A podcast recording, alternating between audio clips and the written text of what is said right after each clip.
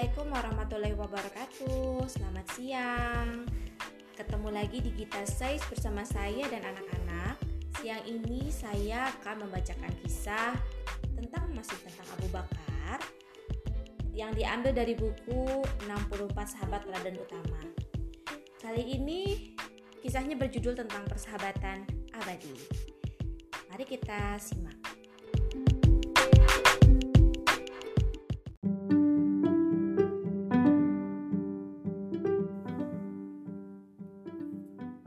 persahabatan abadi. Kesucian hati telah mengeratkan persahabatan Rasulullah SAW dan Abu Bakar. Sebelum Islam datang, Abu Bakar terjaga kesuciannya dari kemusyrikan. Sementara itu, Rasulullah SAW dijaga kesuciannya oleh Allah SWT karena kenabiannya kelak. Oleh karena itu, Persahabatan keduanya adalah persahabatan tanpa perselisihan. Persahabatan keduanya sangat terjaga hingga maut memisahkan. Bahkan, persahabatan keduanya kelak berlanjut di surga. Oleh karena itu, Bunda Aisyah pernah menyampaikan bagaimana langgengnya persahabatan Rasulullah Shallallahu Alaihi Wasallam dengan Abu Bakar. Sejak itu aku mengenal kedua orang tuaku telah memeluk Islam, ujar Bunda Aisyah. Tiada hari yang keluarga kami lewati tanpa keberadaan Rasulullah SAW, pagi maupun petang. Lanjutnya, Rasulullah SAW sendiri menyatakannya secara jelas bahwa Abu Bakar adalah sahabatnya. Engkau adalah sahabatku di telaga surga dan di gua sur ucap Rasulullah kepada Abu Bakar. Persahabatan itu pun semakin nyata saat Rasulullah SAW menikahi ibunda Aisyah. Kedekatan hubungan itu pun ditandai dengan keteguhan dan keyakinan Abu Bakar terhadap Al-Quran dan Sunnah. Dalam dukungannya menyebarkan Islam, Abu Bakar tidak hanya membela Rasulullah SAW semata, Abu Bakar juga membela kaum yang tertindas dan tersiksa, terutama kaum muslim. Abu Bakar juga melakukan pembebasan dan memerdekakan budak-budak yang disiksa oleh majikannya. Satu waktu, Abu Bakar berjalan melewati budak-budak yang sedang disiksa majikannya. Kenapa ya mereka disiksa? Kenapa ya? Kita lihat ya. Ia merasa kasihan kepada budak-budak itu. Segan menebus budak-budak itu dengan hartanya. Karena budak-budak itu pada masa jahiliyah bisa diperjualbelikan. Kalau dibeli dari majikannya, maka budak itu bebas, tidak akan disiksa lagi oleh majikannya. Sehingga Abu Bakar melakukan pembebasan itu dengan hartanya. Beberapa budak yang Abu Bakar berdekakan di antaranya adalah Amir bin Fuhairah, betul sekali nak, Bilal bin Rabah, muazinnya Rasulullah.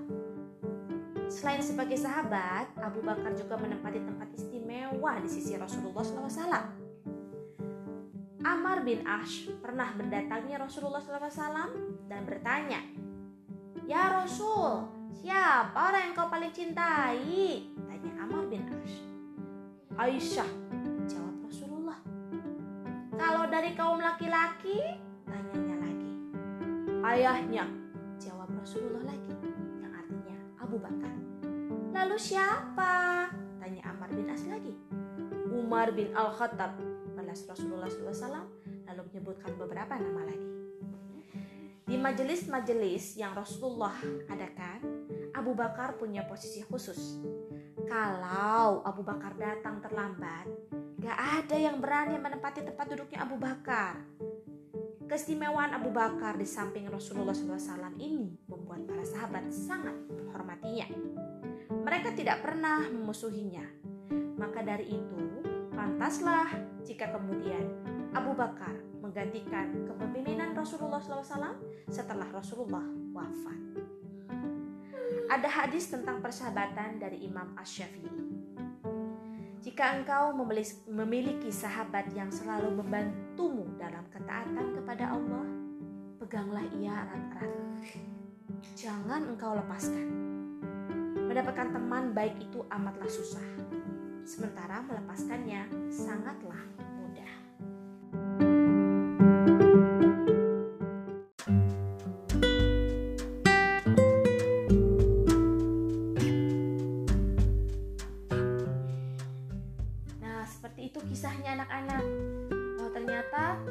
persahabatan Rasulullah dan Abu Bakar itu bahkan uh, akan langgeng sampai ke surga kelak. Mereka berdua kali bertemu kembali di surganya Allah. Kenapa? Karena mereka sahabat yang saling mengingatkan dalam kebaikan, saling mengingatkan dalam ketaatan.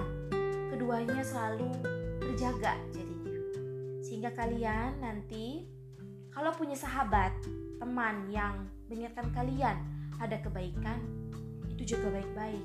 Berarti dia sahabat yang baik. Kalau punya sahabat yang mengajak kalian untuk selalu dekat kepada Allah, itu jaga baik-baik karena dia sahabat yang baik. Supaya apa? Supaya kalian bisa bersama-sama ke mana?